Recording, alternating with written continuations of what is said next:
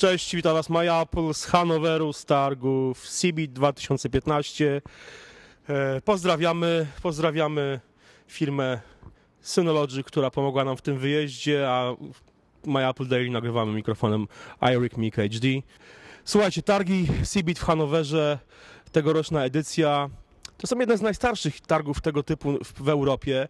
Ja pamiętam jeszcze jako e, małe w zasadzie dziecko czytałem o tych targach w bajtku, w, w komputerze, w takich magazynach, które wychodziły pod koniec lat 80. i to były naprawdę największe targi tego typu e, w Europie. Niestety czasy się zmieniają, wszystko idzie naprzód i mamy w Europie już masę innych imprez targowych. Mamy między innymi IFE w Berlinie, która chyba odbiera e, Cebitowi najwięcej e, wystawców i, i odwiedzających. Mamy targi Mobile World Congress w, Barce- w Barcelonie, z których wróciliśmy tydzień temu.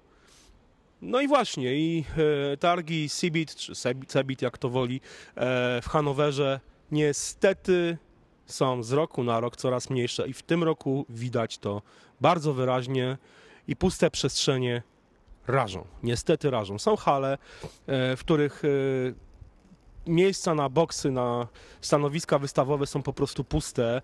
Często są to wręcz połowa hali jest pusta.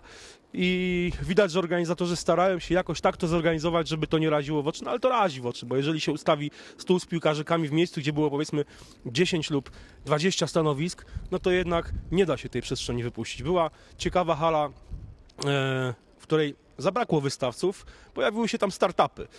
E, Startupy głównie niemieckie, ale także francuskie. Kilka z tych startupów było ciekawych. Był ciekawy startup e, łotewski, który prezentował e, rozwiązanie w postaci aplikacji specjalnego standu dla iPhone'a na deskę rozdzielczą samochodu, która zamieniała tego iPhone'a w wyświetlacz HUD informacji, które pojawiały się na szybie na przedniej szybie samochodu, tak żeby kierowca nie musiał patrzeć na zegary, na, na przykład na nawigację, na tego typu e, rzeczy. Było też kilka innych, innych ciekawych rozwiązań. Oczywiście, e, jak zwykle, jest tutaj masa e, wystawców z Chin, bo Chiny są w tym roku partnerem targów CeBIT. Oczywiście na CeBIT w Hanowerze nie jestem sam, jest nas tutaj dwóch. Tomek, co Tobie spodobało się dotychczas e, na targach CeBIT? Co ciekawego widziałeś tutaj wśród, w halach wystawowych?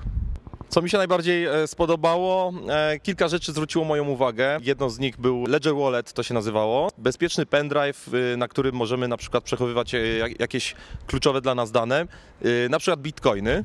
Drugą rzeczą, która zwróciła moją uwagę, to były roboty, to się nazywało RoboChop. Wykonywały, można było na iPadzie e, to, na, to na iPadzie, można było również na komputerze, bo to była y, strona y, internetowa, w której mogliśmy zaprojektować sobie jakąś figurę e, i ten robot, to, tam była taka żyłka jakby y, rozciągnięta i ten robot wycinał jakby tą żyłką e, to, co zadaliśmy, właśnie zaprojektowaliśmy e, w, tym programie. Troszeczkę to wyglądało, proces projektowania coś jak, jak e, do, do drukarek 3D się przygotowuje materiały. Trzecią rzeczą, którą widać tutaj na targach CeBIT są samochody elektryczne, przede wszystkim Tesla, która, która jak, jak zwykle przyciąga uwagę zwiedzających. Tesla, jak wiemy, weszła już na rynek niemiecki, e, mają między innymi salon w Berlinie obok e, Apple Store. No ale oczywiście nie, no nie pokazali nic nowego, można było po prostu obejrzeć to, co już widzieliśmy na, na niejednych targach, czy, czy nie wiem, dwa lata temu byliśmy w, w, w Sunnyvale, e, mieliśmy z Krystianem e, możliwość e, w salonie obejrzeć dokładnie ten samochód. No także nie wiem, idziemy, szukamy dalej czegoś ciekawego i będziemy Was na pewno o tym informować. Na razie, cześć.